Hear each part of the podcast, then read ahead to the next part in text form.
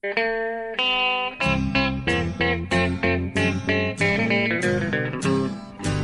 out there, we're on the air. It's hockey night tonight. Tension grows, the whistle blows, and the puck goes down the ice. The goalie jumps and the players bump, and the fans all go insane. Someone roars, Bobby scores at the good old hockey game. Oh, the good old hockey game is the best game you can name. And the best game you can name is the good old hockey game. Hallå, hallå, hallå, hallå! Då ska ni vara fantastiskt varmt välkomna till ett avsnitt av NHL-podden igen. Det är 45 i ordningen har vi kommit fram till. Och julen är över för oss och det, vi kan börja fokusera lite på NHL igen. Annars har det varit lite si och så med det just de här dagarna. För både NHL själva som har tagit lite uppehåll men också för oss två. Är det inte så eh, Bjurman? Jo, god dag. Eh, eh, eller god kväll. Ja. Det är ikväll när vi spelar in det här. Jag Ja. tittar ut på New York här. Där, ja, julen är över och... Eh, NHL har ju börjat igen. Ja. Så allt känns bra. Men visst, det var ju tre dagar där när man bara kopplade bort hockey. Det var för jag säga var rätt skönt. Det tror jag det var för alla inblandade. Både för spelarna och för oss vid sidan om. Eh, Så jag har inte tänkt så mycket på NHL förrän eh, ja, senaste dygnet. Så får vi se hur, hur den här podcasten går. Ja, exakt. Det- Detsamma för mig. Jag, som det, ni som lyssnade förra, förra veckans podd vet ju att jag var i Finland och härjade. Och jag, så pass att jag knappt hade något internet där. Rakt ut i ociviliserade urskogarna faktiskt. Var det det? Ja. Hemma hos mormor vet du. Hon jobbar inte med internet liksom. Hon, hon, hon har ingen aning om vad jag jobbar med för någonting. Det är alldeles för avancerat liksom. Det här med datorer och sånt där. Hon håller inte ens på Tampa Bay Lightning. Nej, hon, hon gör inte ens det. Trots att de är vita och blåa liksom. Det, det, nej, gör hon faktiskt inte. Men hon är bättre på mig, mig på att uttala så här, Filppula och sånt där. Så jag kan lära mig lite av, av henne på... Men vad har hon för favoritlag annars då? Det är förstås eh, Montreal.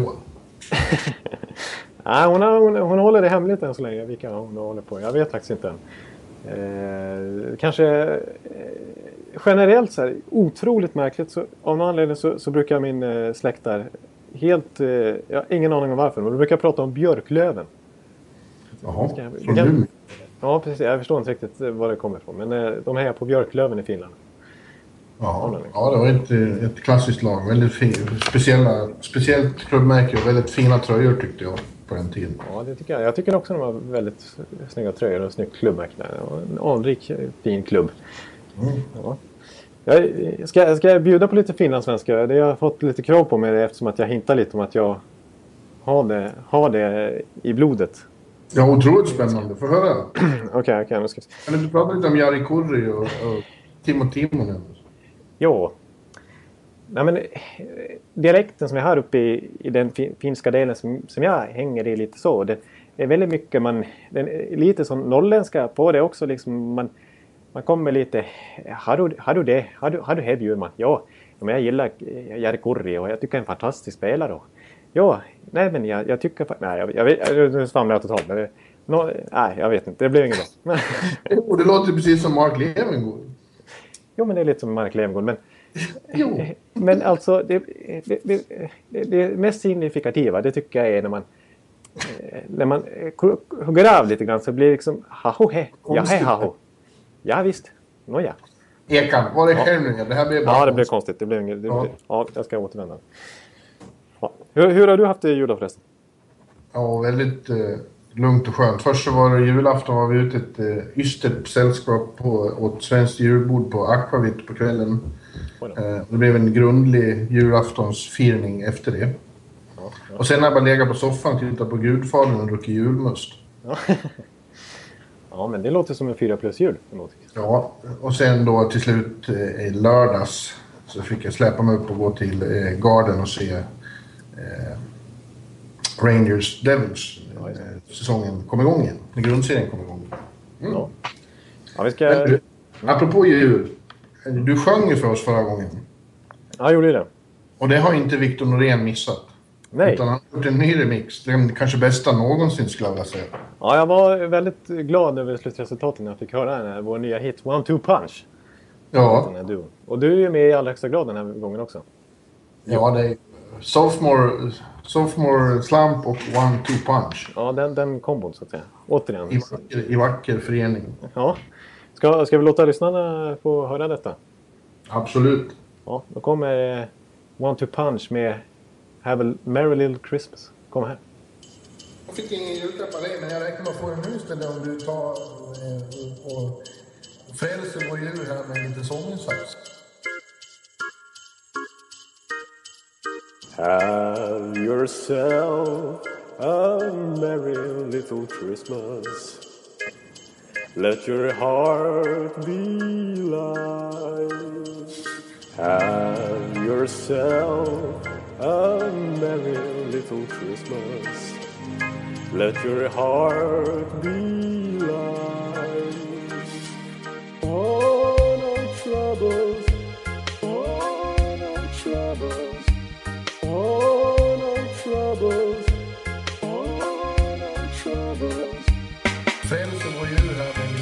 En.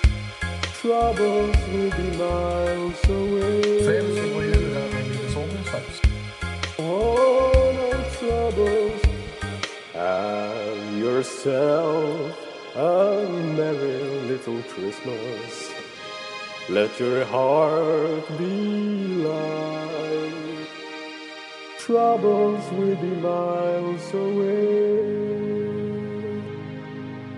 Ja, vad tycker du om detta? Ja, som sagt, jag tycker det, du sjunger bättre än någonsin. Det är fantastiskt vilken eh, baryton du har. Ja, jag tyckte jag hade en finstämd ton där, inte minst i slutet. Så, så, Ja. så sätter jag den där. Jag, jag övade lite grann hemma måste jag säga den här gången. Ja, och, eh, återigen, Avicii-klass på remixen liksom. Han har ju, han har ju känsla, Victor Norén. Det är ju en eh, musiker utöver det vanliga. Så är det ju bara. Podcastens särskilde sidekick, Victor Norén från Kvarnsveden i Borlänge. Ja. Det kan Vi är tacksamma att ha honom med, eller hur? ja, jag är otroligt tacksam faktiskt. Och jag förstår ju eh, den här connectionen att eh, ni är båda från Borlänge. Så det är något i vattnet där. Det Ja, visst är det. Ja, det är, det är så gammalt. Det är, det är Sveriges Memphis. Ja, just det. Så kanske det är. Men du, eh, du var inne på... Du var och såg två lag som vi absolut ska diskutera i den här podden har vi i alla fall kommit fram till. Och det är ju såväl New York Rangers som New Jersey Devils. Ja, låt oss börja med New Jersey Devils, för där eh, hände det ju faktiskt saker fast det var juluppehåll. Ja, ja ingen, ingen rolig julklapp för eh, tränarna. Nej, Peter Bohr fick på annan dagen då sparken, eh, vilket gladde väldigt många fans. Det har, det har varit eh, högljudda krav på hans avgång. Eh, och till slut eh, lyssnade då eh, general managern Lou Lamoriello. Men det fick ju... Eh, beslutet sen, eller hur man löste det, var ju synnerligen eh, originellt. Ja, För man har alltså inte anställt någon ny coach utan man har en slags kommitté där gamle Scott Stevens, eh, den kanske hårdaste backen i, i alla fall i modern NHL-historia. Ja det, det känns ju bra att han är, går in där i alla fall. Det är ju en fantastisk Ja. gammal back. Ja. Eh, ja, nu betyder det i och för sig inte att man har varit en bra back, att man är en bra spelare. Det har vi fått väldigt många exempel på. Ja. Eh, Men även Adam Oates är med då. eh, För detta, ja, han var ju då assisterande åt DeBoer eh, tidigare. Sen var han huvudtränare i Washington. Även Också- Steven, Stevens har ju varit eh, assisterande ett tag. Han lämnade ju i somras vad jag förstår efter meningsskiljaktigheter med just De Boer. Ja. Ja, och sen har vi då eh, Lamoriello själv. Eh, som har klivit ner i båset som någon slags eh, kontrollant över hur det här systemet ska fungera. Ja, precis. Albelin står väl med i båset där också. Han brukar ju... Nej, han står inte med i båset. Han sitter på pressläktaren. Han sitter på pressläktaren bre- bredvid dig. där. Ja, den rollen. Ja, just det. okej. Ja. Eh, Lamoriel, alltså det, det är ju vissa som... Ja, det känns ju väldigt högaktuellt att kalla dem för Lou Jersey Devils just nu. För det Ja. känns som att han, han rattar ju verkligen den där klubben med, med järnhand. Alltså nu, är, nu är han president, han är general manager och han är ju tränarkontrollant på bänken också. Ja, men han är inte ägare och det ska vi återkomma till. Eh, eh, och eh, ja, jag tycker då att det fanns väl till slut inget annat att göra än, än att sparka De Boer. Alltså, de är på väg att missa slutspelet för tredje året i rad. Eh, De Boer tog dem till Stanley Cup-final 2012, det ska man inte... Eh, Förglömma. Nej, och det har inte Lamoriello glömt. Jag tror det är därför han har varit kvar så pass länge fast det har gått så dåligt. Och det är inte bara det att Devils eh, resultatmässigt inte lever upp till eh, förväntningarna. Utan eh, de har ju blivit, de har förlorat sin identitet och blivit ett ganska soft lag. Det är inget särskilt jobbigt att möta New Jersey Devils längre. Mm. Och det var ett av de jobbigaste lag som fanns att möta under många år. Och det var ju Lamoriellos idé om vad New Jersey Devils skulle vara för någonting. Ja, ja precis. Nu, nu har de verkligen förlorat den slagstyrkan i allra högsta grad. Och de har blivit ett Eh, nu har de fortfarande en identitet på något sätt kan man säga, men den är helt annorlunda. Nu känns det som ett äh, ålderstiget och som du säger, soft lag att möta. Ja. Alltså det är, han har tappat det lite, Lemurelle, sen han åkte på dubbla bakslag kan man säga. Eh, till New Jersey förs försvar, försvar, jag vet inte. Det, de tappade ju oturligt Kowalczyk, den här KHL Ja. Grejen som han fick för sig att han skulle sticka till KHL och bryta kontraktet och det var en jätteinvestering för, för Avlo Moriello från första början där när de först tradade till sig honom och sen skrev det här enorma avtalet som, som det var massa eh, ja, krimskrams krim. Men det slutade ju till slut med att man inte fick någonting för det utan snarare eh, cap-straff och ingen, förlora viktiga spelare istället i traden från första början. Och likaså så tappar man ju Zach Parisi ja, eh, tidigare utan att få någonting. Exakt. Och även, eh, nu kan man ju diskutera David Clarksons kontrakt i Toronto. Det var väl för väl att inte New Jersey matchade det. Men det var också en spelare som gjorde 30 mål i New Jersey per säsong ungefär. Ett tag. Som man tappade utan att få någonting i, i, tillbaka. Så att man har ju successivt liksom... Så gav man då Ryan Clough istället ett väldigt, alldeles för stort kontrakt. Ja. Eh, så jag vet inte om det var så mycket bättre. Och det finns ju, det finns ju eh, väldigt många röster om det nu också. att Lou Lamoriello bär ett stort ansvar själv för att Peter Bohr inte har haft ett bättre lag att ställa på isen. Eh, det ligger såklart väldigt mycket i det och det finns röster som kräver att eh, det är dags att avgå för Mr New Jersey Devils också. Han är faktiskt 72 år nu. Ja. Eh, kanske är så att tiden har börjat springa från honom. Ja. Även en Lamoriello blir till slut gammal och det sägs då att ägarna kan, de, de är rätt nya de här ägarna och det kan vara mycket, mycket möjligt vara så att de vill sätta in en ny egen identitet på det här laget och eh, inte nu under säsongen såklart, men kanske efter den här säsongen eh, eh, anlita någon, någon ny. För jag har svårt att tro att det här kommer att hjälpa. Eh, de, jag, mitt stalltips är att de missar slutspelet igen tyvärr. Ja, precis. De är ju nästan tiotalet poäng ifrån redan. Ja. Eh, trots att de började säsongen jättebra med massor med segrar där i början och de gjorde massa mål konstaterar vi ju. Ja. Att det här nu minsann, eh, New Jersey ska man höja ett varningens finger för. Sen så brakar det ihop ganska snabbt. Eh, och nu halkar de ju efter rejält. Eh, men Lamoriello precis, alltså, hans, hans grej senaste åren har ju verkligen varit att, att, att satsa på gamla avdankade spelare får man ändå kalla dem. Alltså nu när de har haft lite målproblem då blir hans svar att plocka in eh, Scott Gomez. Ja, Tidigare, det, han signade ju Havlat och allt vad det var. Och, och, tidigare i somras och så var det ju kabel och allt möjligt som skulle ha tryout. Men det är, ja, det är så konstigt därför att det, å ena sidan så, det är väldigt mycket gammalt framförallt på, på forwardsidan. Samtidigt är backuppsättningen väldigt, väldigt ung. Mm. Och det blir en obalans i att det finns så, så lite eh, talang eller kvalitet eh, mellan de här två polerna. Det är väl Adam Henrik då som står för det. Och som, eh, men han är ganska ensam i, i sin liksom, generation. Ja. Jag, jag, tror faktiskt nästan... Det är en konstig obalans. Ja. Han är nästan den enda spelaren, i alla fall när säsongen startade, i den första liksom rosterkatten, den som de, ja, deras opening day roster. Nu blev det väldigt mycket svenska igen här. Men mm. som var under 30 år. Eh, ja, på forwardsidan. Ja. ja, men på, back, på backsidan är det ju jätteungt. Ja, med Severson och Helgesson och Adam ja, Larsson. Bryce Salvador men han verkar ju ha gjort sitt. Ja. Ja, nej, det är, det är, det är lite... Ja, det har man hamnat väldigt konstigt till. Det som jag möjligen tycker är lovande med det här och det är att, eh, som någon sa där ute, när Scott Stevens höll presskonferens så hörde de mer positivt om Adam Larsson på tre minuter än de har gjort under tre år med DeBoer. Han har inte, trots att han har haft den här unga uppsättningen backar, så har han inte varit särskilt bra på att hantera dem. Nej, Nej det har han verkligen inte varit. Nej.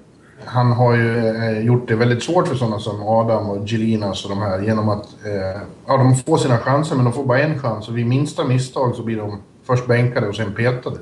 Ja. Eh, och det går inte att odla ung talang på det sättet. Framförallt inte på backsidan, tror jag. Man måste, man måste ge dem förtroende så att de inte blir rädda för att göra bort sig. För är man rädd ute på isen, eh, får begå misstag, då blir det bara misstag.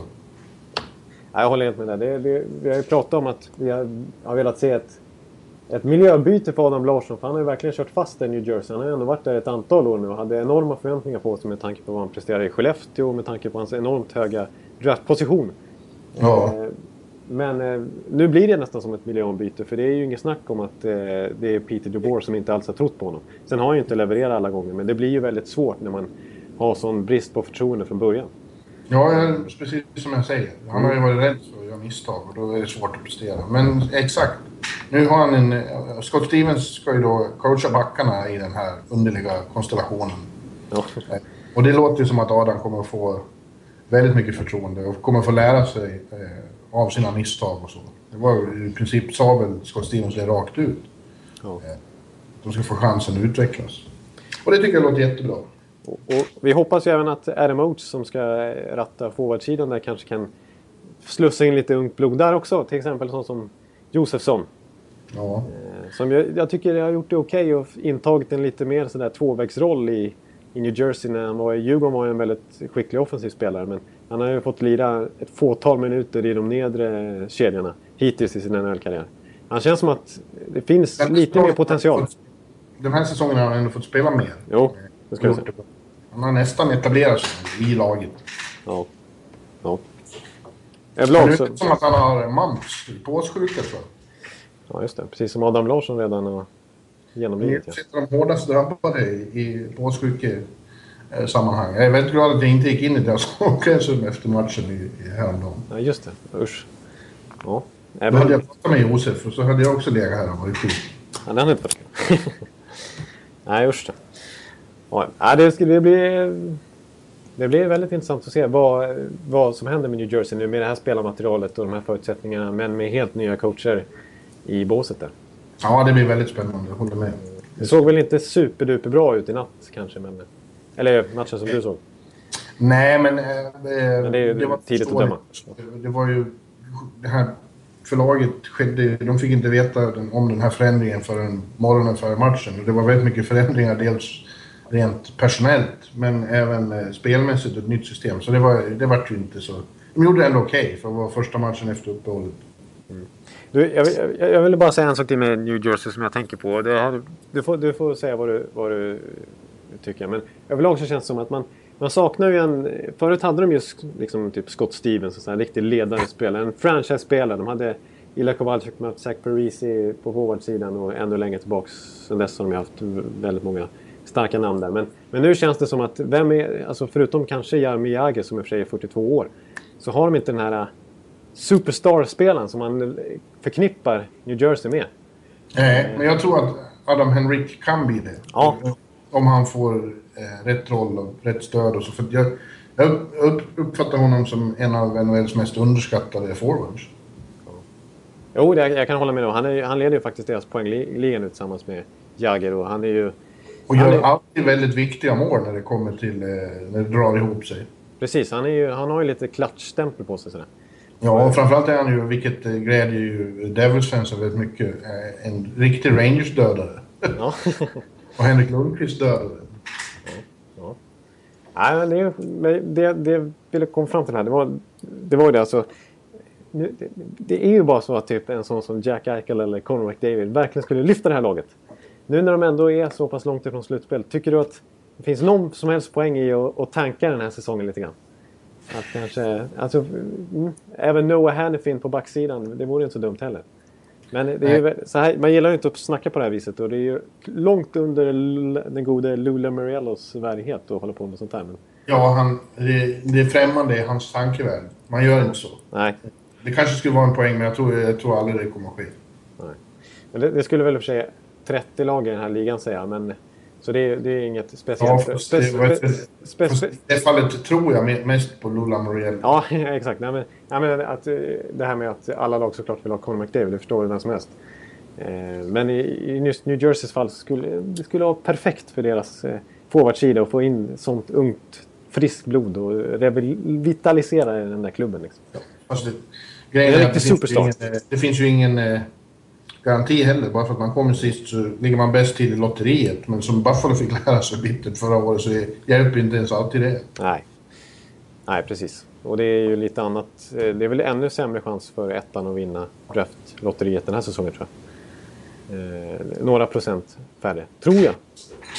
Eh, ja, nej, så att det, det, är absolut. Men så länge man hamnar i botten fem ungefär så har man ändå lite mer procentchans att kunna plocka första valet. Ah, ja. Det, det, det, det blir en senare historia att recensera ja. kanske.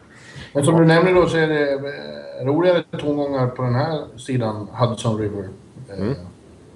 Där då Rangers med segern där mot eh, Devils tog sin åttonde raka. Och det är bästa sviten Rangers har haft sedan 1974. Så det är bästa sviten på 40 år. Ja. Det, då snackar vi. Det hade man inte riktigt räknat med. Eh, någon månad sedan här. För säsongen började ju mycket vingligt och och darrigt. Eh, men eh, det, det började se ut precis som i fjol. Det tog eh, hela hösten för Rangers att och, och, och liksom smälta ihop till ett lag och få en identitet då också. Och då gick det ju rätt långt får man säga. Ja, det gick ganska långt. Ja, just det. Och nu har de, ja, de har fått ihop något här och när man vinner så här mycket så får man ju självförtroende och det är den gamla klyschan, jag tror jag använde den redan förra podcasten. Framgång före framgång. Det känns så med dem. De har, eh, de har roligt när de spelar, de har, mer, de har flyt. Liksom. Det är flyt man får när, när det går bra. Och det är inte mycket snack om att eh, Henke Lundqvist har problem och är på väg ut för något sånt där längre. Nej. Som det hastigt eh, drar slutsatser om när han har sina, sin tunga november där.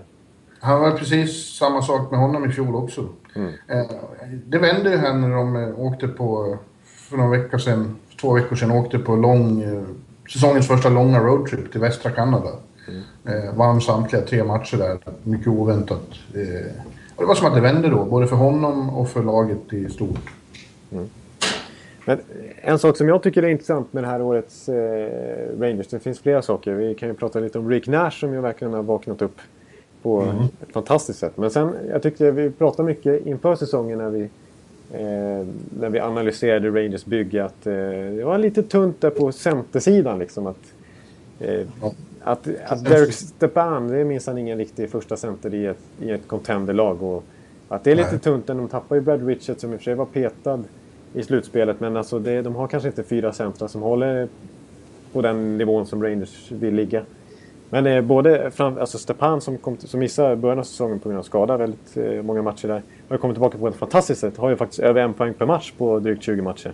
Och ja, Derek Brassard har ju varit fantastiskt, fantastiskt bra han också. Ja, jag måste ge Stepan att han är bättre än vad jag har hävdat. Ja. jag gjorde hattrick här mot, eh, mot uh, Devils. Just det. Mm. Och han, han, han känns som en sån som långsamt har blivit bättre och bättre. Riktigt stabil. Och absolut Brassard Eh, det, har ju, det har ju varit så för, för eh, coach Vigneault också. Återigen tog det honom väldigt lång tid att hitta eh, fungerande kedjor, vilka som ska spela ihop och så. Det var ett jävla dribblande ett tag. Men nu har han ju då den väldigt framgångsrika kedjan med eh, just Brassard och så Zuccarello och Nash eh, på sidorna. Den kedjan är, är fruktansvärt het just nu. Vad har hänt med Rick Nash då alltså? Han som, han som var så iskall i slutspelet. Ja, eh, ett par saker tror jag. Eh, för första gången eh, så är han helt skadefri. Båda de två första säsongerna i New York så började det med hjärnskakningar. Mm. och de kom han aldrig riktigt tillbaka från. Samtidigt sägs att han kom till campen i bättre form än någonsin. Mm. fysisk form. gått ner några kilo och såg så här fräsch ut. Och Eh, samma sak där, det börjar gå bra och när han får flyt så, eh, så, så, har det bara rullat på. Liksom. Han, är, är, han ser fruktansvärt eh, het ut hela tiden. Han är inte bara gör mål, han är med och skapar mycket hela tiden också. Han känns väldigt svår att stoppa. Ja, till hans försvar eh, så, så vill jag bara säga att i slutspelet när han fick väldigt mycket kritik och folk tyckte han var kass och han gjorde inga mål alls. Så tyckte jag ändå att han spelade rätt så bra i vissa matcher. Alltså. Att, ja. att, att, att, även om man inte fick utdelning. Alltså den, Rick Nash, när han, alltså, han har ju, det är som du säger, just den här svårstoppheten som han har. Han, han ångar på som ett lok. Och verkligen är, trycker sig fram alla Milan Lucic nästan fast ännu snabbare och med, men med nästan samma kraft och det här skottet som han besitter. Ja. 23 baljor. Han skuggar ju till och med Tyler Seguin där uppe i skytteligatoppen. Han är lite sådär som Jagr. När han väl får pucken eh, och håller i den så är det, väldigt, det är väldigt svårt att ta den av honom. Mm. Mm. Eh, ja, och sen tyckte jag då... Det kändes som det försvann för många viktiga rollspelare inför den här säsongen. Men eh, de har fyllt på rätt bra där också med de här Tanner Glass och Stempniak. Och Jesper Fast, inte minst, har ju klivit fram och, och, och blivit en väldigt viktig... Han har etablerat sig nu. Ja, det har han verkligen. Ja, det precis. Och det är som säger, Stempniak, budgetsigningar som, som ändå har tagit, ja, tagit plats på ett bra sätt. försvann också där med Boyle och, och, och, vad heter han som gick till Vancouver, den lille elake? Derek Dorset. Ja, just det. Mm. Eh, och eh, ja, det ser hyggligt ljust ut på, på Manhattan. Mm. Jag har svårt att tro att så mycket ska falla på plats igen så att de ska gå hela vägen till final, men eh, who knows? Ja, alltså ska jag vara ärlig och jämföra med mitt Tampa Bay till exempel så tror jag ändå att, att, att Rangers är ganska välbyggt för ett slutspel. Alltså. Ja, det kanske alltså, är Som truppen är uppbyggd. Alltså. Jag tycker de har lite mer tyngd än jämförelsevis Tampa. Och att de, eh, och nu har de ju dessutom erfarenheten av att gå så där långt och det vet vi ju hur viktigt det är liksom, för ja, klubbar. Så att, jag, jag, tror, jag, jag, jag, tycker man viftar bort Rangers lite för lätt den här säsongen och många experter som säger att att det var en fluga förra året att de gick så långt att de hade tur och det var eh, gruppen kom ihop efter den här Saint Louis-tragedin och det har vi varit inne på själva också men jag tror, jag tror faktiskt att nu är det väl lätt att säga så eftersom de har åtta raka segrar också men jag, jag tror ändå att Rangers är bättre än vi kanske förutspått. Ja, man ska klart för sig att några av de här åtta raka segrarna har varit tidvis ganska beskedligt motstånd också. Jag visste det var starkt att åka bort dit till, till Kanada och, västra Kanada. Framförallt starkt att slå Vancouver som de gjorde, men Calgary var ju på nedgång ordentligt och Edmonton, Edmonton och sen var det dubbelmöte med, med Carolina. Eh, och så New Jersey nu då, så att man ska kanske inte dra för stora växlar på, på just att de har vunnit hela tiden. Men, men just samtidigt så är det så att de får ett jävla självförtroende såklart av att bara vinna hela tiden.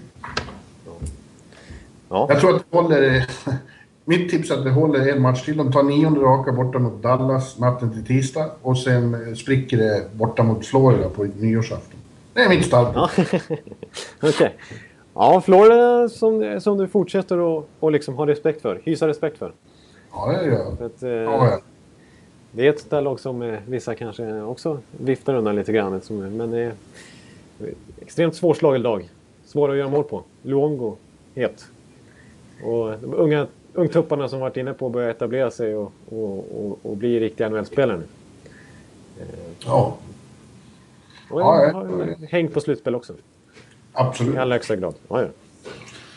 Ja, men du, nu håller vi oss väldigt mycket till öst här, men eh, eh, Washington eh, glömde jag bort här. Rangers slog ju faktiskt dem också under den här sviten och det var imponerande. Sista matchen innan juluppehållet. Eh, det var en väldigt bra match.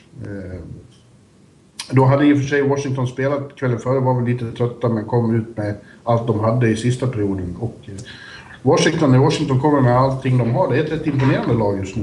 Det vill jag ändå påstå alltså. Eh, tidigare när vi har pratat Washington den här säsongen så har vi sagt att de känns väldigt ojämna och det har de ju varit också. De har eh, levererat det ena och det andra match efter match och det har varit eh, inte riktigt stått att känna igen det där laget i natten. Men man har inte tyckt de har haft någon riktig identitet, eller hur? Nej, nej exakt. Och det känns som att Barry Trotz har fått ta lite tid på sig att eh, verkligen sätta sitt, sitt, sitt, system och sin prägel på det där laget och inte riktigt lyckats förrän nu. För att nu, ja i december så är de ju faktiskt, eh, jag tror de är 8-1-2 i record i december.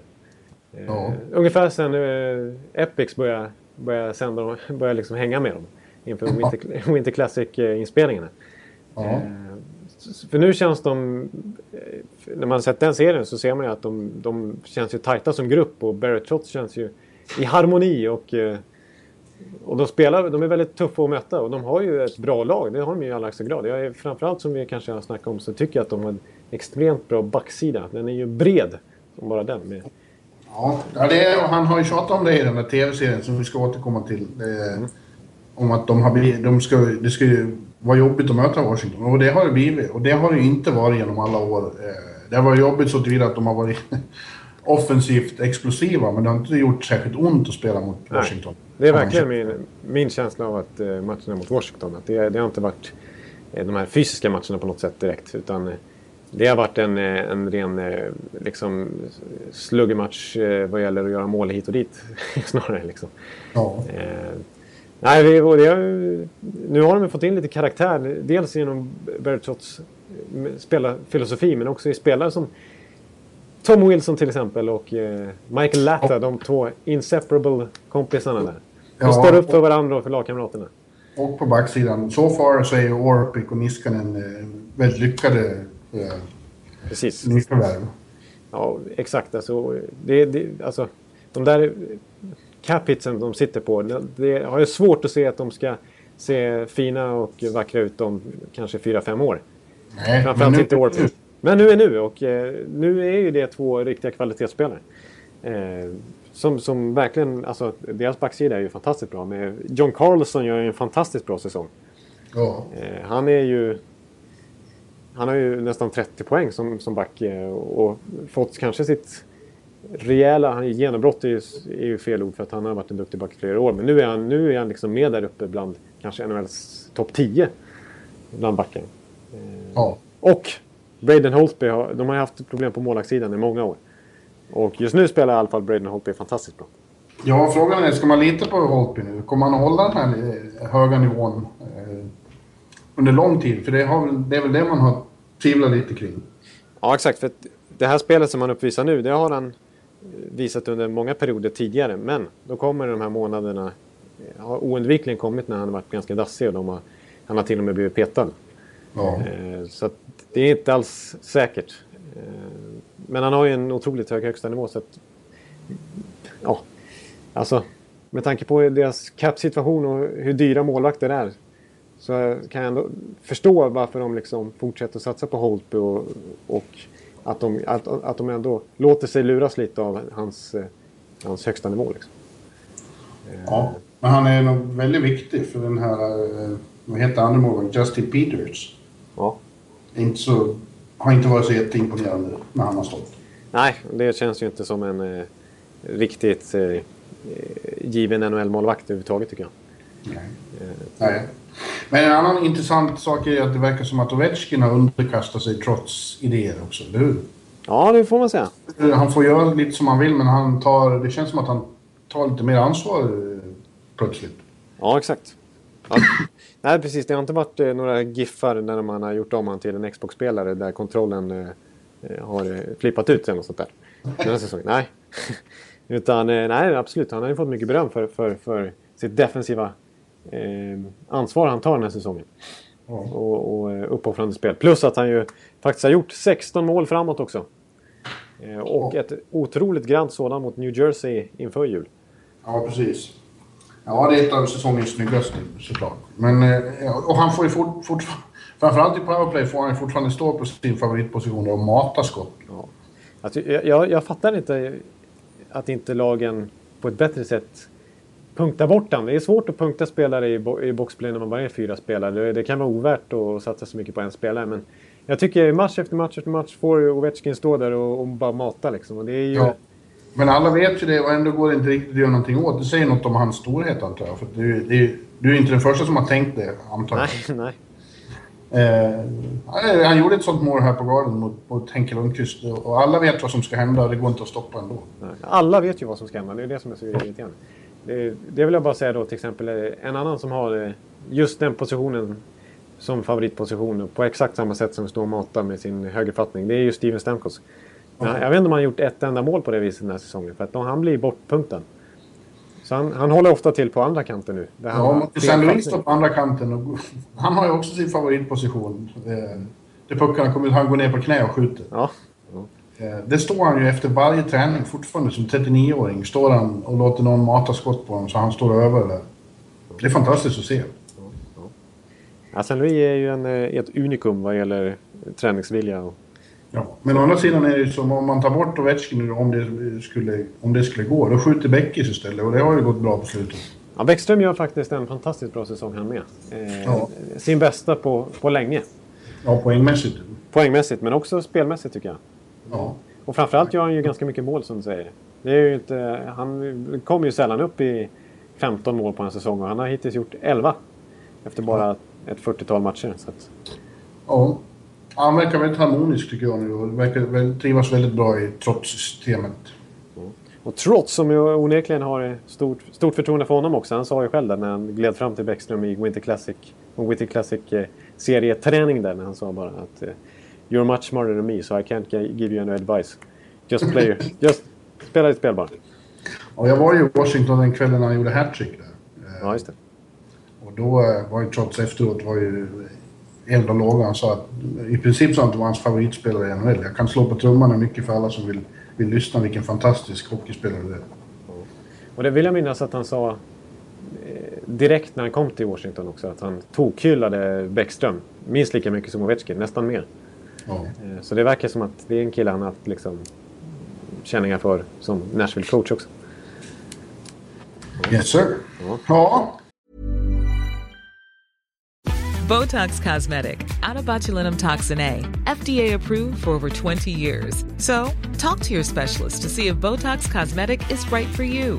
For full prescribing information, including boxed warning, visit BotoxCosmetic.com or call 877-351-0300. Remember to ask for Botox Cosmetic by name. To see for yourself and learn more, visit BotoxCosmetic.com. That's BotoxCosmetic.com.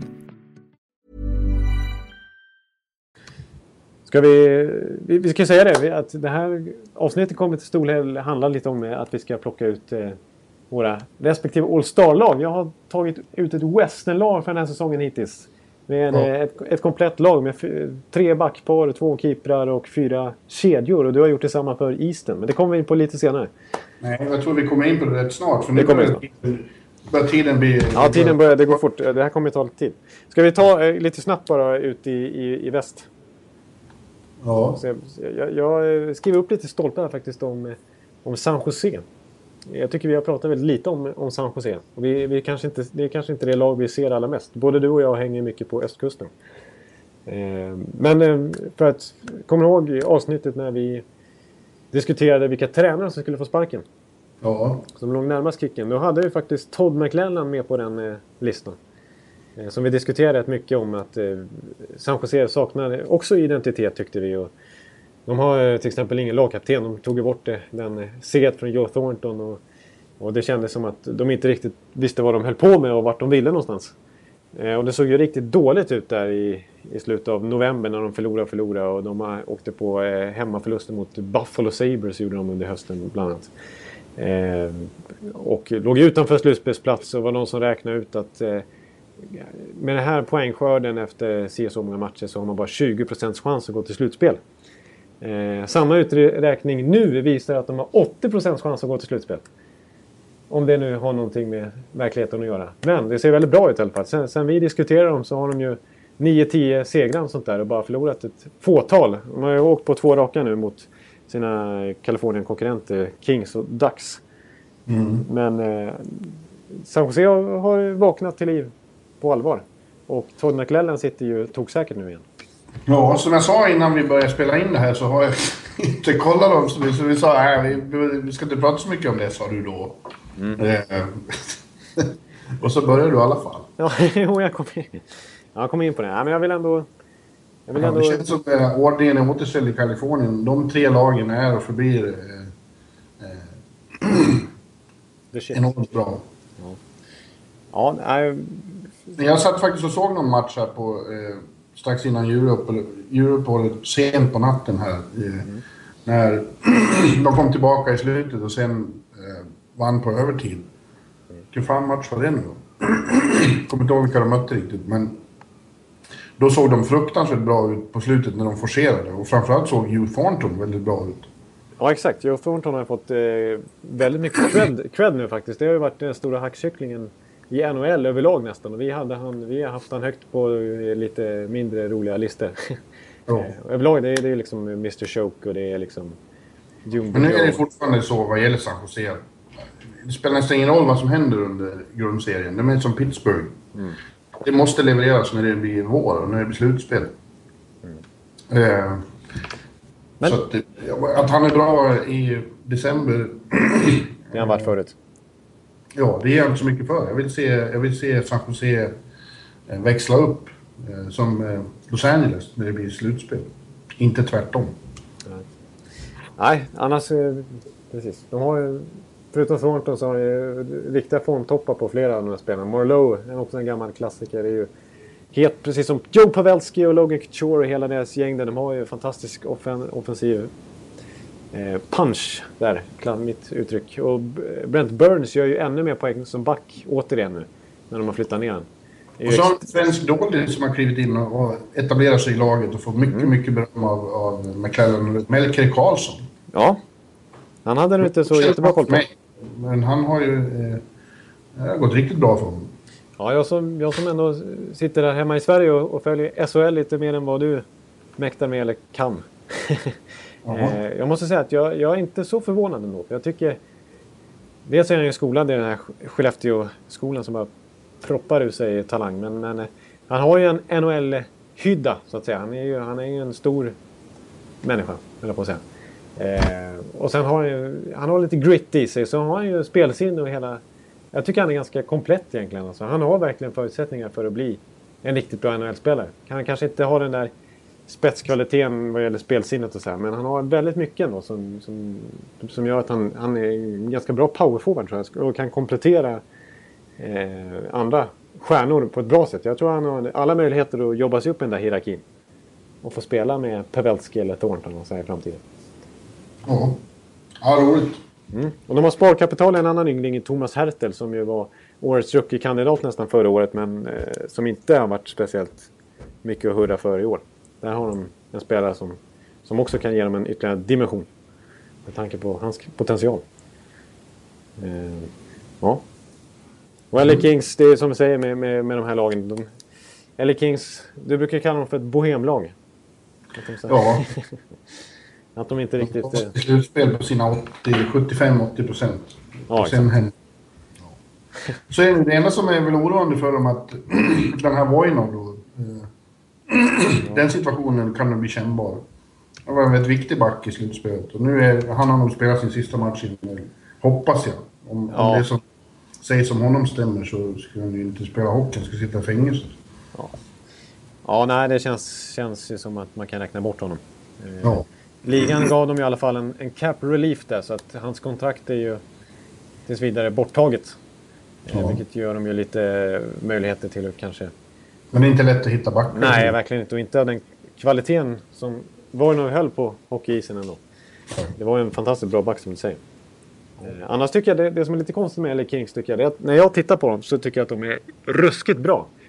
Eh, alltså sjukt bra. Dominerar matcherna. De är ju ett fantastiskt eh, advanced stats-lag alltså i Corsi och allt vad det heter. De har ju grym possession och dominerar nästan alla matcher de spelar. Men ändå så ligger de och, eh, inte på så här toksäker slutspelsmark.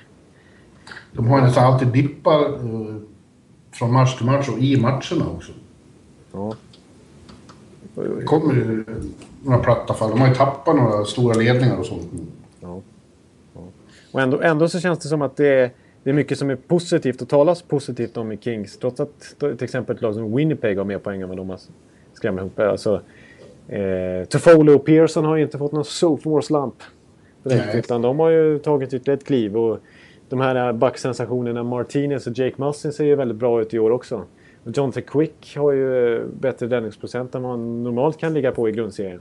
Ja, fast det är som Artmo, han är ju inte någon toppnamn. Alltså han, det är lite som Lundqvist. Så det krävs att det blir mer som står på spel för att de ska spela sitt största hockey. Jo. Det, det, man, det man överlag kan skönja med, med Kings det är att de är väldigt bra hemma men de är inget bra bortalag den här säsongen. Det finns många lag som är betydligt bättre borta än vad Kings är. Ja. Slutligen bara helt kort om ditt det tredje Kalifornienlaget. Ja. Din, din älskling John Gibson verkar inte få spela något mer än NHL i år. Nej. Det... Är du förvånad? Ja, alltså eh, precis. Det är det som jag tycker är konstigt med, med Anaheim Ducks. Å, andra sidan, de leder ju hela NHL då. Ja. Eh, och där känns det som att det är... Visst, det finns mycket, väldigt mycket utropstecken i det laget. Och, och vi, de har ju naturligtvis såg, sågs de ju som en contender redan inför säsongen. Men det, där har det varit mer frågetecken rent så här, som man har internt kring laget. De är ett mediokert possession-lag till exempel trots att de eh, leder hela NHL. Och Perry har varit skadad och missat många matcher. Och, och just det här med Gibson som ju skulle bli årets rookie. Och som har blivit total katastrof hittills med skador och så vidare. Ja, och nu är han nerskickad till Farmar och så, så vitt man förstår så blir han kvar där. Ja, det vore ju sensationellt. Jag, kan, jag har ju svårt att se att de inte ska kalla upp honom igen om de får det. Ja, det, var, det läste jag nu. Planen är att, hålla, att han behöver stå på tillväxt. Han, är inte, han var inte så fullt, fullt fullmogen som sådana som du föreställer dig. Nej. du har ju sagt att han är det bästa som har hänt sen Dominic Harsen. Nej, det har jag inte sagt. Jo, det har ja, nej, men jag tror John Gibson är bra. Det, det, som, det som jag tycker är coolt med... Nej, det, det, som jag vill nämna med John Gibson när, när vi ändå pratar om honom. Det är att det är så sjukt många bra spelare som har blommat ut från just Pittsburgh. Som är födda därifrån. Det är John Gibson och det är Brandon Saad och det är... Sen tidigare Ryan Malone och R.G. Umberg och sen. Det är lite oväntat tycker jag. Vad nu det hade med... Undra på det. De har hockeykultur i Pittsburgh. Men du, nu, nu blir det läsare eller lyssnare som blir arga på Ja, det blir det lyssnare. Så För nu- första gången på länge så måste jag hetsa dig lite. Eh, Ja, det är rätt. för vi håller på att spräcka alla tidsramar här. Det är inte okej. Det är inte alls okej, Jonathan. Nu får vi gå in på de här All-Star-lagen. Ja, det gör vi. Vi gör det. Det tycker jag är jättebra. Och eh, ni lyssnare har kommit med lite förslag på Twitter också som vi ska namedroppa här eh, efter att vi har läst upp våra kompletta lag här. Ja. Vill du börja eller ska jag börja? Ska vi börja i Eastern eller ska vi börja i Western när vi ändå är ute och snurrar? Nej, vi kan börja i Eastern. Vi börjar Eastern. Ja, Jag, kan börja med- jag kan börja med mina två målvakter. Då. Vi, alltså, vi får säga det, vi har inte eh, tänkt enligt helt strikta, eh, alltså vanliga All-Star-uttag, då ska det vara minst en från varje lag. Men det har vi struntat i. Nej, exakt. Den, den filosofin har vi där och då är det ju alla vi fans som får rösta fram och då är en sån som Semgus Girgusson på väg att ta hem hela rubbet. Men så tänker inte vi utan vi har, vi har tagit lite fritt Jag tar de från... bästa spelarna. Jag har inte riktigt Ja. tänkt på hur sätta ihop kedjorna efter centrar och ytterforwards och så heller. Jag har bara, jag har bara Du har bara kört. Ja, men målvakterna är... Eh, och här hade du kanske nu när du nämnde Braden Holtby, kanske kunnat ta honom. Men det är Carey Price i Montreal och det är Marc-André Fleury i Pittsburgh. Ja. Ja. Jag tycker de känns som eh, de som har utmärkt sig mest i öst. Eh, Fleury vet vi hur det är. Han är ofta bra i grundserien och han måste bevisa sig i slutspelet igen. Men eh, just nu, den här första halvan av säsongen har han varit väldigt bra. Och lyssnare Julia blir fantastiskt glad när du säger Mark-André Fleury. Ja. Som är en stor Pittsburgh-fan. Och Flurry Fans. Ja. Ja, och Care Price är ju fantastiskt bra. Han är verkligen... Det var ju frågetecken kring honom för några år sedan. Och att eh, var han verkligen så bra som den enorma hypen det var kring honom när han blev draftad. Och, och hans juniortid och så vidare. Men eh, nu är han verkligen en, en av en, världens bästa målvakter. Det är inget snack om det. ja. Ska jag fortsätta jag, med jag, tycker, östlag? jag, jag tycker Jaroslav Halak har varit bättre än jag trodde i, i New York Islanders. Men han är inte, han, alltså, han, jag, skulle inte, jag skulle inte hålla honom före Braden Hope den här säsongen heller faktiskt. Ja, så det är bra. Mm. Han hör till bubblarna. Eh, Lundqvist kommer att komma dit, men han har inte varit där den här eh, inledande månaden. Då är nästan Jonas Enroth Ja. helt... Enroth, precis. Han, är- Enroth är tänkbar där. Och en Ska jag fortsätta med hela östlaget? Ja, det så, jag skulle vilja påstå, framförallt när det kommer till backar så känns det som väst är så oerhört mycket bättre. ja, det har jag haft lite bättre urval kanske. Ja. Men jag har tre backar och jag har inte tänkt på vilka som skulle passa ihop som... Jag har bara tagit sex backar jag tycker. Du har inte tagit rightare och leftare tillsammans? Och så. Nej, jag har tagit sex backar och de är eh, PK Subban, Cody Franson, Ja. Erik Karlsson, Chris Letang, Aron Ekblad och eh, Johnny Boychuk. ja, det kändes ju ruggigt, eh, ruggigt stabilt eh, plockat måste jag säga. Ja, Cody Franson känns som symbolen för vad som har gått bra för Toronto, eller hur? Ja, Eh, Erik Karlsson kanske inte har den här, explosionssäsong som man hoppas på, men han är stabil och bra och ra, rakar ändå in poäng. Samma med Letang och Subban. Ekblad känner jag ska vara med för att han, eh, för att han har, bara är 18 år och etablerar sig så oerhört snabbt som en, så, verkligen lever upp till hypen. Han lever verkligen, han nästan överträffat det man hade kunnat tro om honom. Ja. Så att, eh, och vi har ju pratat om han lite tidigare på det också, att vi är väldigt imponerade av Ekblad som känns som en ny Shea Webber nästan. Ja. Och Johnny Boychuk, samma sak. Jag hade lika gärna kunnat kanske ta Nick Leddy då, men eh, Boychuk får också symbolisera Islanders enorma lyft. Ja. Det är helt, helt rätt. En symbolspelare för, för detta och, Ja. eh, Islanders anno 2014-15. Men lika fullt så känns det i och med att Subban och Karlsson och Letang kanske inte är på sin allra högsta nivå så känns ju östs backsida betydligt beskedligare än västs. Ja, ni har inte de här Ryan Suter och Shea Weber och eh, Nej, ni Drew. Dowdy och Duncan Keith som vi har jobbat med på min sida. Nej. På forwardsidan känns det då betydligt bättre får jag säga. Eh, och det blir då de här eh, fyra trojkorna. Först har vi Jakub Voracek, Claude Giroux och Evgenij Malkin. Oj, vilken kedja. Den är rätt okej, eller hur? Du, håller fin kemi där också med Voracek och Giroud tillsammans såklart. precis. Det blir så.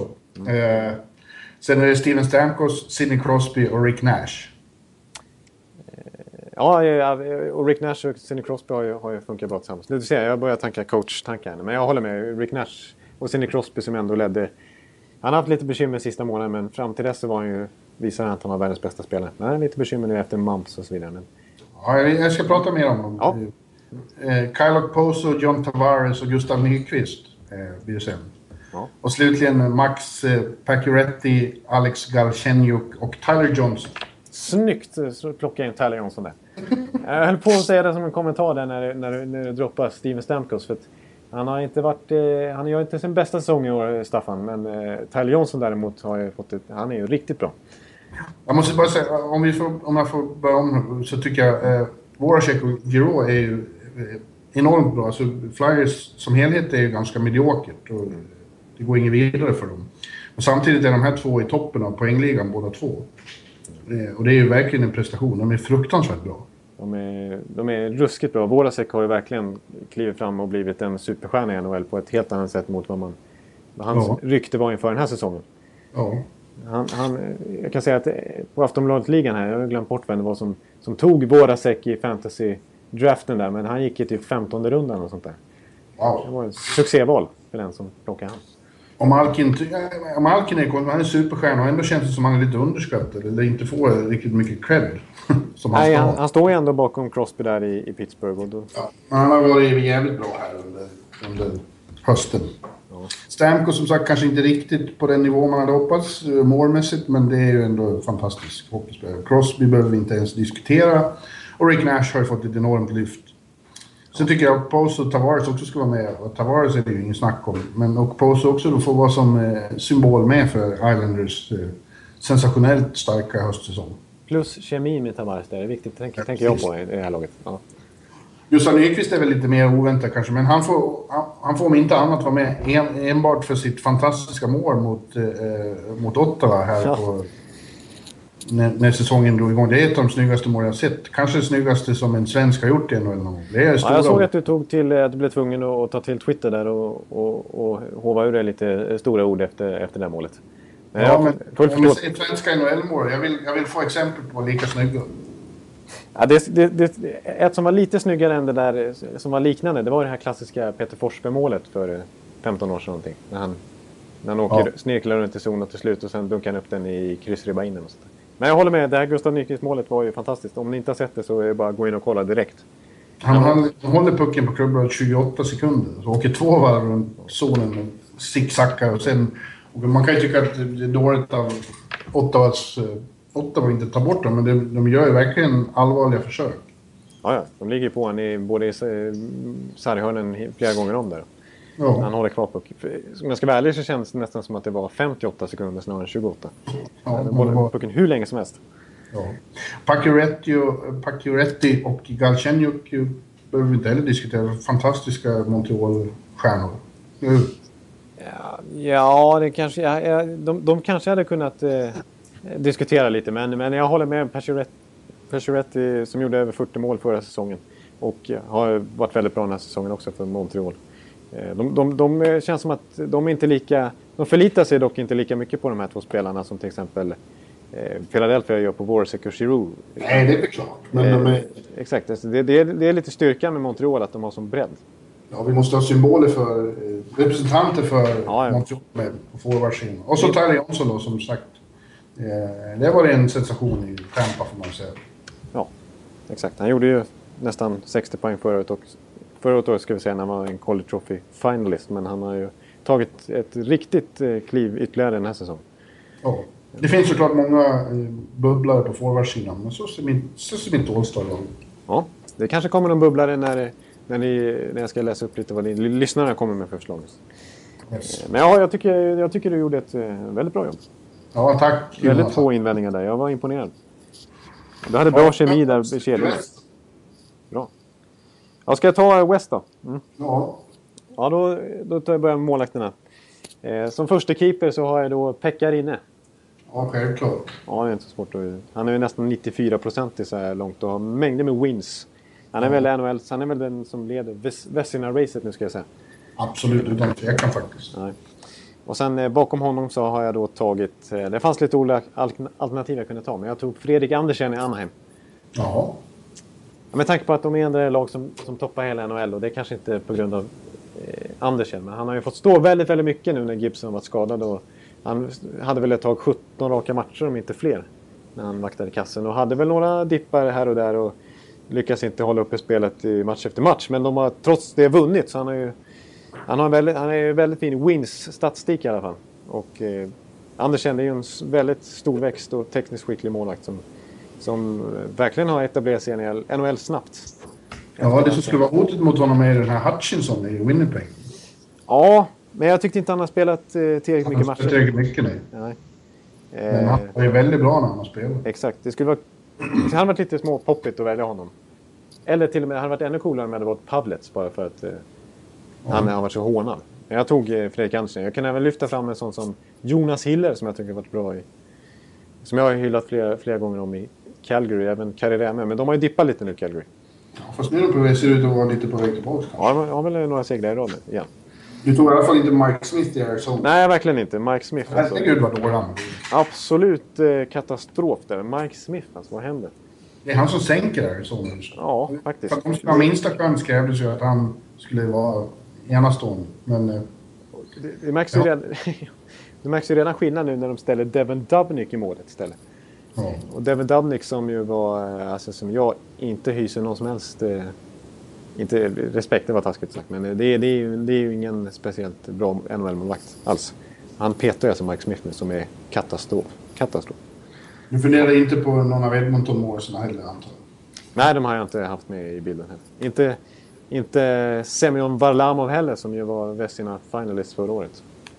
Fatta att de är nio poäng upp till närmaste lag och har en match mer spelare Edmonton. Ja, det, det var ju som Jim Matheson, den klassiska reportern där uppe som har bevakat dem i 35 år. Han sa ju Ja. att eh, det här är det sämsta Oilers han någonsin har sett. ja. Så att, eh, Det det säger en hel del. åt. Det finns ju Edmonton-fans nu. Jag är ledsen. Det är synd på ett klassiskt lag, det är det verkligen. Ja, det är som Niklas Wibe brukar, du vet våran Philadelphia-kille på Twitter där som brukar skriva, när han, när han har förlorat en massa matcher, eller när det är något riktigt skräp som han skriver, så brukar han avsluta med att skriva, ja, i alla fall inte Edmonton-fan. Ja, brukar han trösta sig med. Ja, nu tar vi backsidan då. Ja, Och då, då, då ska jag bara säga det här till eh, att det, jag har inte tagit... Här har jag varit lite poppig och tagit lite spelare som jag tycker är kliver fram i år. Så jag har inte nödvändigtvis tagit... Jag har till exempel petat Drew Dowdy, även om jag tycker han gjort det bra i Kings. Men han har ju inte någon... det är de som har varit bra i år. Det är precis den här säsongen. Så att, eh, det börjar med ett eh, backpar rakt av från Calgary. Och det är ju Mark Giordano och TJ Brody. Ja. Ja, det är inget, det är inget snack om det. De har varit kanske... Ligans hetaste backpar. Ja, fantastiskt bra. Både, eh, dels defensivt då, där de är fantastiskt skickliga, alltså vilka tvåvägsbackar. Och offensivt då, där båda är med i absoluta toppen av backligan i NHL. Mark Giordano leder ju den ganska klart. Eh, och Brody är ju också med där. Eh, fick ju ett fint kontrakt av Calgary som kändes ganska fett när de skrev det. 4,5 miljoner tror jag att det ligger på. Knappt. Eh, men just nu känns det som att Thierry Brody skulle nästan kunna vara en 6-7 miljoners back. Ja, Och han är fortfarande ung dessutom. kul för honom. I andra backpar så har jag då eh, ja, Duncan Keith. Som jag tycker är väldigt bra i Chicago. Och återigen den här säsongen. Väldigt fin eh, possession-spelare är han också. Det är en riktig advanced stats-kille-dröm. är han ju. Eh, Duncan Keith. Eh, och han spelar tillsammans med Kevin Shattenkirk. Mm. St. Louis. St. Louis. Som, eh, faktiskt har varit St. Louis bästa back den här säsongen. Utan, utan tvivel. Alltså, Alex Pietrangelo gjorde väl mål här om natten men, men, har inte haft någon jättestark säsong ändå. Han har faktiskt, jag tror han har minus 12 eller något sånt där. Eller Peter Seabrook Seabrook också, han var extremt bra här om natten, det första matchen efter juluppehållet. Ja, jag, jag valde mellan Keith och, och Seabrook. Eh, Seabrook tror jag till och med har gjort några mer poäng än vad Keith har gjort. Och, och Seabrook eh, är ju såklart värd att lyftas fram. Och handlar ofta lite i skuggan. Han fick väl inte plats i kanadensiska OS-laget heller tror jag. Trots att han är rightfattad och har, har liksom... Jag tycker ja. han verkar mycket mer sympatisk som person än Duncan Keith också, så jag föredrar honom. Duncan Keith som vi fick lära oss i Winter Classic-serien där, att han drar åt sina skridskor något vansinnigt hårt. Eh, och det fick vi ju veta av Clint Rife som ju mycket tragiskt sen eh, gick bort. Ja, ja väldigt ledsamt. Men du, ingen... fortsätt nu. Ja.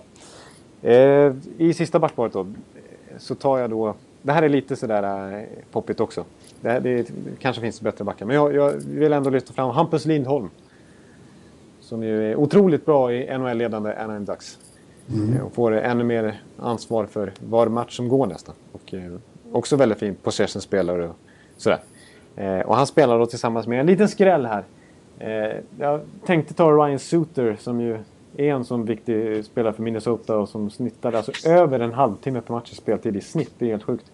Men jag tar en annan Minnesota-back. Jag tar Marco Scandella. Ja, det var en, nästan en skandal. ja, det var en liten skandal, men... Eh, men eh, men eh, jag, jag, varje gång jag ser Minnesota så, så fascineras jag över hur bra jag tycker att Marcos Scandella är. Alltså. Mm. Han fick ett nytt kontrakt här nyligen också, ganska välavlönat, eh, som ett bevis på det. Jag tycker, jag tycker Marcus Scandella är fantastiskt bra tvåvägsback som det knappt pratas någonting om.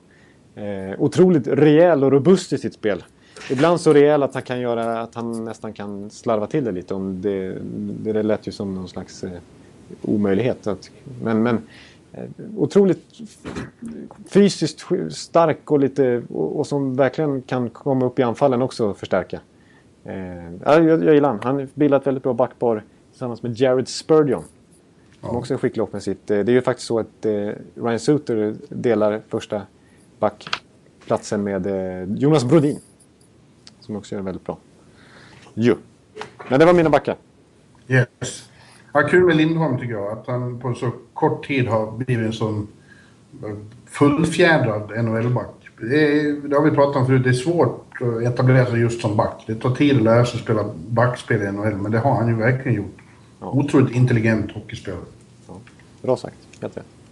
Ja, då kommer forwardsidan då. Mm. I första serien så har jag då Vladimir Tarasenko. Tyler Seguin och Patrick Kane. Ja. Hygglig kedja. Ja, det är en hygglig kedja. Det är ju...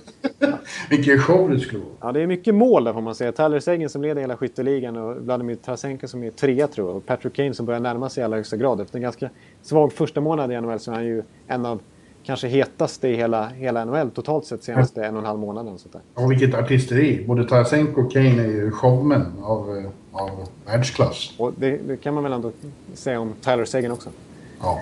NHLs poängligaledare. Så att, eh, ja, det det, det är en sevärd kedja skulle jag tippa. Verkligen. Ja.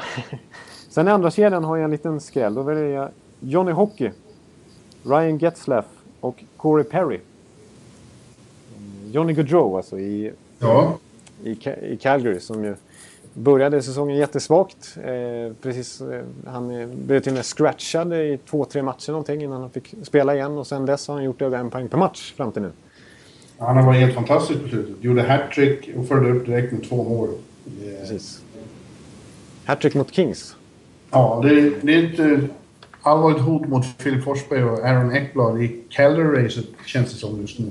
Precis, för att eh, om man räknar bort de första kanske 7-8 matcherna så är, har han kanske varit eh, absolut i nivå med Filip Forsberg spelmässigt. Det är en, jag, vill eh, jämföra honom lite grann med Tyler Johnson. Även om Tyler är center så är det båda två är små ettriga och väldigt snirkliga och smidiga spelare med ett enormt speluppfattning och en enorm puckskicklighet. De, de är extremt aviga på isen.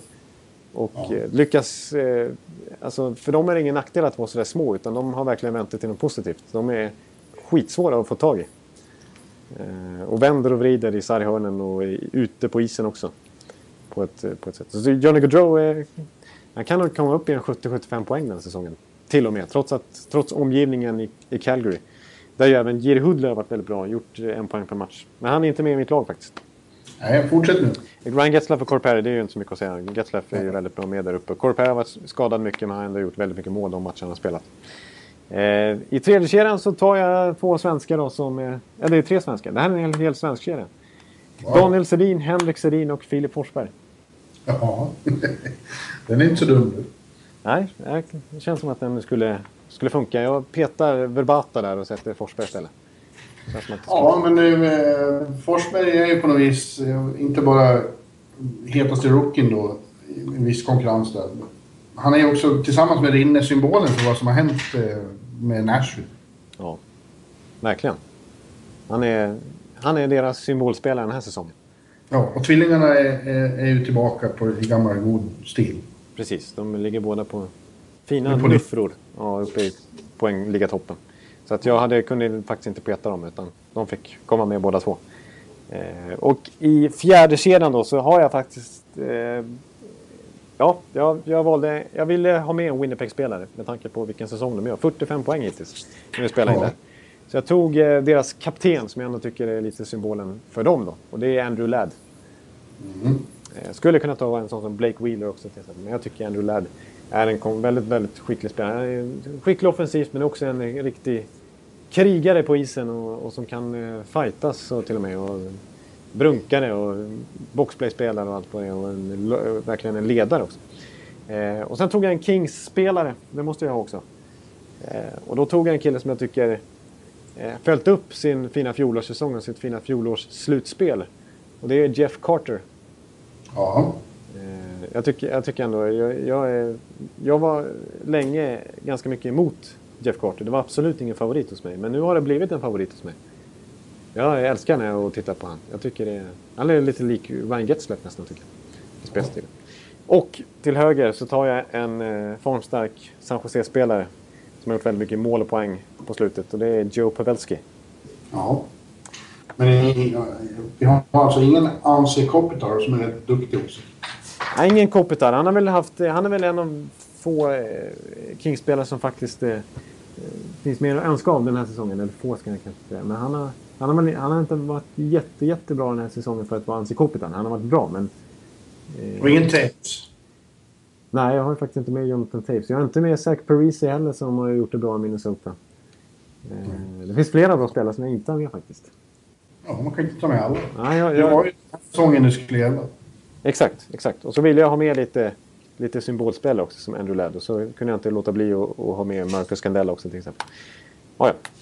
Ja, jag nämna- eh, jag kom på att Bäckström kanske skulle vara med i mitt lag. Kanske ja, får vara med istället för Nyqvist. Då. ja, just det. Det kan jag tänka mig också. Bäckström faktiskt. Han förtjänar nog en plats. Han har varit väldigt omnämnd här av eh, er lyssnare också. Det är ett antal som har hört av sig. Ja, få höra då. Ja, vi har eh, Marcus Rundqvist som, eh, som tycker Wayne the Train, det vill säga Wayne Simmons, ska vara med. Men vi tog, du tog ju med två andra Philadelphia-spelare som kanske har stuckit ut lite mer. Ja, det skulle jag säga i år. Ja. Oskar Sandström eh, tycker definitivt att, att Aaron Ekblad ska vara med. Eh, Erik, Erik Nyman ger en liten bassning till mig. Han tycker att eh, Anton Rosell från Dallas, hård som sten, ska vara med. Men eh, Dallas har ju, där tar jag bara med Tyler Seguin för att eh, Jamie Benn som också har ett antal poäng valde jag att peta för att jag tycker eh, de gör ju ingen bra säsong Dallas som lag. Så är det. Slamp, den här, Ja, den här varianten, upplagan. Ja, ja. precis. Vi har Joel Olsson som skriver faktiskt att det hade varit kul att se Milan Lucic, Dale Weiss och Alexej Jemelin tillsammans. Ja, det hade ju varit roligt. Det var stökigt eh, kemi i den, eh, det laget. Ja, ja. Eh, Lucic, ingen av dem har väl någon speciellt stark säsong. Eller Weiss och Emelin kan man väl diskutera, men Lucic har ju varit inte så bra. Eh, Oskar Sandström igen skriver att Luongo hade vi kunnat ha med bland- målvakterna. Roberto Longo. Vem Oskar Sandström skrev, tycker att Roberto Longo kunde ha nämnts bland dina målvakter där. Ja, det kanske han hade, men han kommer inte åt någon av de två främsta. Det är ju inte Ben Bishop heller. Nej, men det håller jag med om. Mm. Eh, Rickard Andersson. Inför säsongen var det väl inte Rick Nash någon som skulle spela All-Star. Han är numera given. Det håller vi med om. Ja. Alexander Ådjers eh, lyfter fram Johnny Hockey. Även Ryan Johansson skriver han. Och det kan jag hålla med om. Johansson har gjort det bra i ett... Och en annan här, Victor Malmsjö, säger ju Nick Foligno känns väl het, för het för att dissas. Ja, det ligger något i det. Columbus har ju kommit enormt på slutet. Ja, efter verkligen. sin katastrofala start. Exakt, de har ju en urstark eh, december månad de också. Eh, De hade för- förtjänat lite airtime här i podden också. De har ju fått tillbaka lite folk efter skador, inte minst Bobrovski och eh, Brandon Dubinski. Och så vidare. Som gjort att de har verkligen lyft. Och så Nick Foligno som är skitbra den här säsongen. Han har verkligen tagit, han har gjort en vårsäcklyft nästan. Vill jag påstå. Funkar fantastiskt bra ihop med Ryan Johansson i första serien. Tyvärr för Columbus del så har ju Boone Jenner gått sönder igen. Det är synd. Ja. Jonas Enroth är nämnd här också som är en kille som borde vara med. Tyler det- Ennis skriver Andreas Öberg. Tyler Ennis. Buffalo fans. Ja, men de har gjort det helt okej. Det har vi varit inne på. Och Tyler Ennis har väl varit eh, tillsammans med Enroth den bästa spelaren i, i detta Buffalo. Ska se här. Eh, The Latvian Loc Locomotive, en till Buffalo-fanen som tycker att Semgus Girgensson är given. Eh, Oskar Wikström tycker också att eh, vår gode vän Semgus är väl given. Eh, Dennis Jysch skriver eh, Mats Zuccarello. Ja, nej. Nej, han har, han har kommit igång här på slutet, men han har sammantaget haft en rätt motig höst. Ja. ja, jag håller nog med om att det, det, det är lättare sagt gjort att sätta upp ett sånt här All-Star-lag också. För det, det, det låter så mycket när man ska sätta upp fyra kedjor och tre backar och så här, Men de platserna fylls upp väldigt snabbt när man gör sin liten, lilla bruttolista. Så, så har man ett lag ganska... Det, det, det finns många man hade velat klämma in. Filip Borgman, avslutningen ska jag säga. Han, han skriver spontant Folino. Riktigt fin säsong hittills. Ja, Ja. men det, det nog får jag nog kanske ge, ge mina vänner lyssnarna. Ja.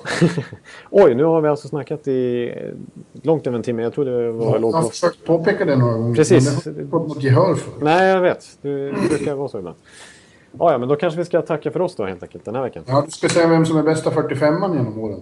Ja, det ska vi göra. Det är, det är väldigt svagt nummer genom åren, kanske inte helt oväntat. Du har ju, du har ju vecka efter vecka väntat dig att någon gång ska, ska vi börja komma så högt nu att vi inte har så mycket alternativ. Eh, NHL.com, när de gjorde en lista över de bästa 45orna genom tiderna, då var det faktiskt Aaron Asham som toppade. Det säger Ja. lite grann kanske. Ja, det säger lite grann. Eh, Runner-up, Jody Shelley. Ja, du ser, det är Ja, bara... då är det illa. Då är det riktigt illa. Men vi har en riktigt bra 45 i årets NHL. Riktigt bra 45 i årets NHL. Eh, spelar i Anaheim Ducks. Han hade kanske kunnat peta Lindholm på den listan. Eh, som jag tog ut över Western som stållag. Det är Sami Vatanen. Ja. Han är lite, lite ungen, va? Han är lite ung än. Ändå gjort 24 poäng. Och ju nu till slut fått chansen på allvar i Anaheim och eh, tagit en bofast plats där. En väldigt skicklig offensiv back. Han är bättre än Asham och Jordi Shelley redan. Ja, jag. det skulle han nog påstå faktiskt. Att han, får nog, eh, han är nog vår bästa 45 genom tiderna. Eh, en annan som har nummer 45 det är ju host host eh, Nelson Mandela. Nej, men Jonathan Bernier. Har nummer 45 i, i Toronto. En keeper. Ja, och men den, du, Ekan. Ja. Nu får vi lov att sätta punkt. Nu sätter vi punkt för detta. Ja. Eh, vi hörs En nästa- timme och en kvart. en timme och en kvart. Ja, det får, det får räcka. Eh, Ja, vi- men du, tack för, eh, för den här gången. Vi kommer nog tillbaka rätt snabbt, va? Så det har varit lite förskjutning här. Ja, vi, Ja, vi får se. Vi får se när, vilk- vilken veckodag vi kommer tillbaka. Men det är inom en vecka åtminstone. Eh, Yes. Så hörs vi igen. Och då har Winter Classic passerat och det ser jag fram emot. Du, du ska Ja. dit. Ja, det ska bli spännande. Det kommer vi snacka mycket om nästa vecka. Ha det gött allihopa. Vi hörs eh, och, och njut av eh, nyår här. Hej, hej! Gott nytt år! Gott nytt år. Oh, take me where the hockey players face off down the rink. And the Stanley Cup is all filled up for the champs who win the drink. Now the final flick of a hockey stick and a one gigantic scream. The puck is in, the home team wins the good old hockey game. Oh, the good old hockey game is the best game you can name. And the best game you can name is the good old hockey game. Oh, the good old hockey game.